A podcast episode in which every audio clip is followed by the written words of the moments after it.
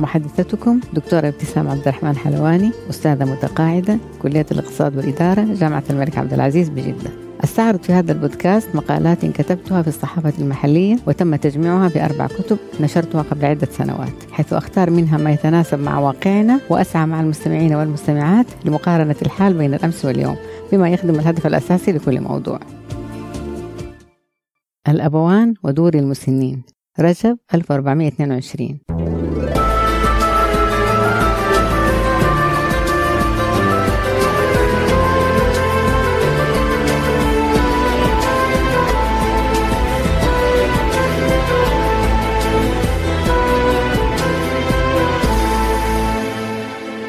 قبل سنوات طويلة أنشئ في جدة دار للمسنات.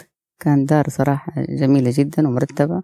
تم إنشائها لإيواء المسنات في المدينة هنا.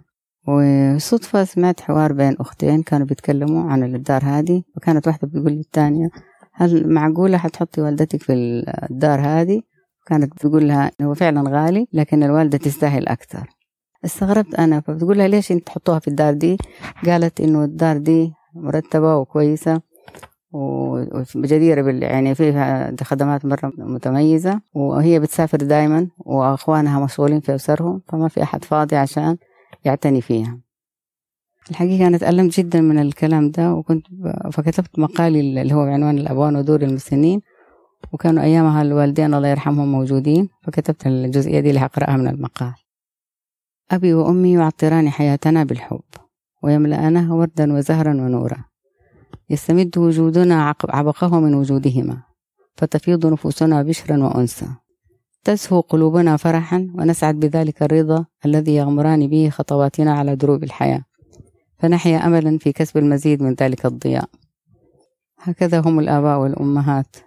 كنوز زاخرة بالحب والبذل والرحمة. نفوس ذكية لا تتوقف عند حد معين من الحب. بل تهتم وتتابع وتستغرق وتدعو ثم تعطي وتعطي دون أن تنتظر مردودا أو مكافأة. وكأني بتلك النفوس الخيرة تدرك بكل عظمتها وحبها ألا عطاء يوازي ذلك العطاء. لذا فهي لا تنتظر من أحبتها أي مقابل لأنها تعرف أنها تحب من أجل الحب وحده. لا يباريها في ذلك أي أحد ولا أي قلب. كتبت في المقال أيضا كنت بتكلم سبحان الله بقول إنه الأمهات والآباء بيتفانوا طول عمرهم بينسوا أنفسهم بيبذلوا جهدهم بيضحوا بيتنازلوا بيقدموا كل اللي بيستطيعوا واللي ما بيستطيعوا بيت يعني بيتجاوزوا حتى حدود طاقتهم وقدرتهم في العطاء.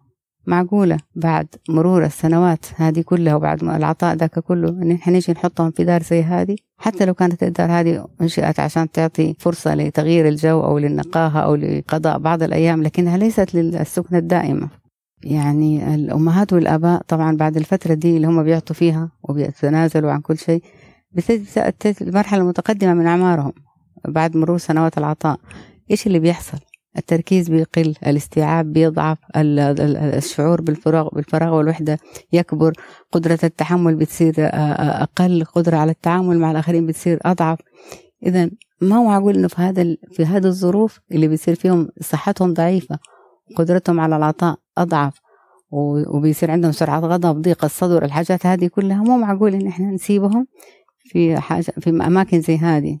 حتى التوجيه القرآني اللي جاء اللي هو ولا تقول لهم أف ليش؟ لأنه في فترات العمر المتقدمة هذه بيكون فعلا هذه المزايا كلها أو الخصال دي كلها موجودة فيهم غالبا فبتصير قدرتهم على تحمل الآخرين وقدرتهم على تحمل حتى وحدتهم أو فراغهم أو جلوسهم لوحدهم أو جلوسهم حتى مع مع مع أبنائهم أو مع أحفادهم بيكون فيها أحيانا ضعف وعدم قدرة على التحمل وعدم قدرة على تقبل الآخر.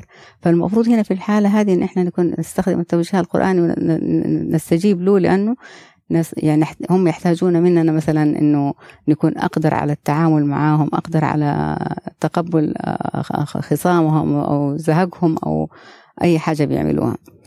فالحقيقة إنه يعني فترة العمر الكبيرة اللي بيقضوها الآباء والأمهات مع أولادهم وتنتهي بعد كده بالوحدة والفراغ يبقى فيها لازم التعامل معهم بيكون أها أكثر يعني في أكثر من اهتمام أكبر وفي بر أكبر وفي حب أكبر وفي عطاء أكبر وفي التصاق أكثر. ف يعني بيحصل كثير من الآباء الأبناء والبنات سبحان الله إنهم هم يقصروا مع آبائهم وأمهاتهم وبعد كده بيندموا. في كثير أوقات بيجي ندم. حتى أتذكر في مرة كانت واحدة من الأخوات عملت حفلة بمناسبة حصولها على الدكتوراه. سهرة كبيرة في قاعة كبيرة.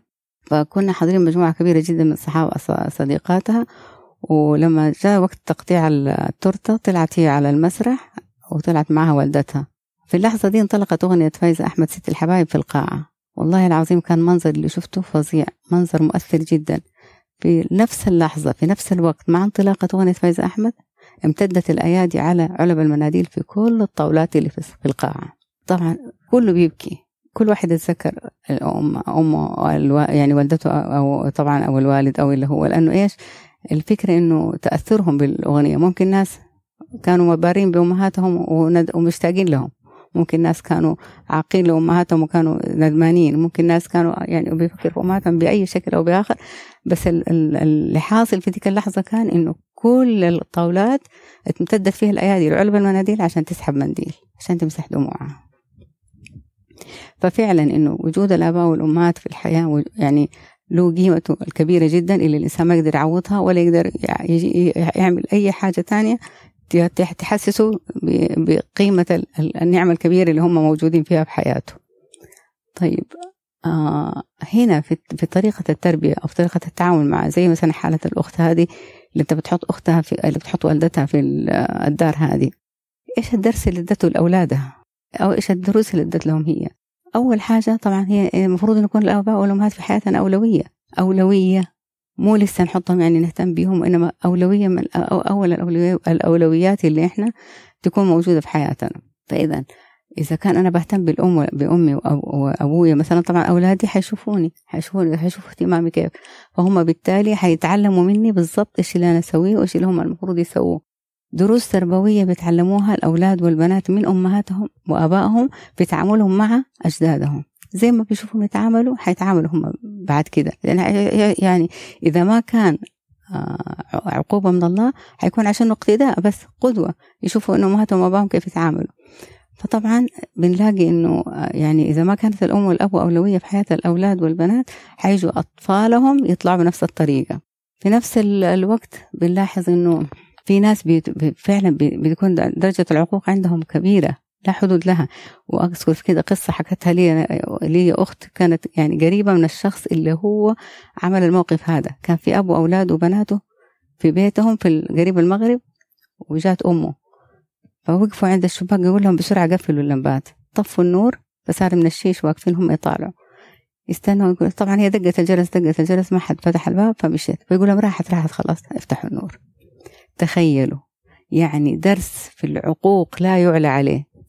هدول الأولاد والبنات اللي شافوا الشيء هذا كيف حيتعاملوا مع أبوهم مستقبلا؟ طبعا هو ما خطر في باله الشيء هذا ولا فكر فيه.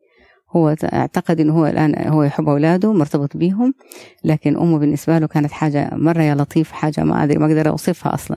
فعقوبة العقوق بتبان في الدنيا قبل الآخرة وعقوبة البر بالوالدين تبان في الدنيا قبل الآخرة. فالإنسان سبحان الله كما يفعل مع أبويه سيفعل به. من غير ابدا أي تردد. هذا اللي حيحصل. وبالعكس يمكن كمان بزيادة.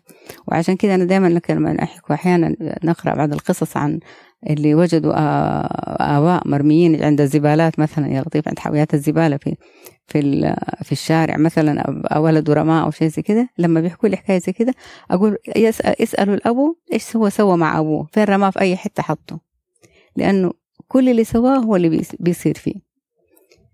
في نفس الوقت كنا بتذكر برضو يعني من الحالات اللي كنا بنصادفها وبنسمع عنها إنه في آه، يعني زوجة كانت رافضة إنه أم زوجها تعيش معها في البيت بعد فترة كانت عايشة معها فقالت لزوجها أنا ليش إحنا نتكفل بها لوحدنا؟ في عندك اخوانك وديها عنده فكان أخذها بعد الظهر وفي السيارة وراح يدور بها على بيوت اخوانه وكل واحد يقول له أنا ما أقدر أنا عندي ظروف أنا مسافر أنا ما أستطيع. تخيلوا يعني كأنها سلعة ليست لها قيمة مو بس كمان سلعة بل سلعة ليست ذات قيمة. دار بها على البيوت ما كان حد رافض ما كان حد قابل يأخذها. قصة أخرى برضو لزوجة كان زوجة كانت هي وحيدة أمها. أمها كانت مريضة جدا وتحتاج رعاية وما عندها أحد وما تستطيع أن تجيب لها يعني شغالة تساعدها أو خادمة.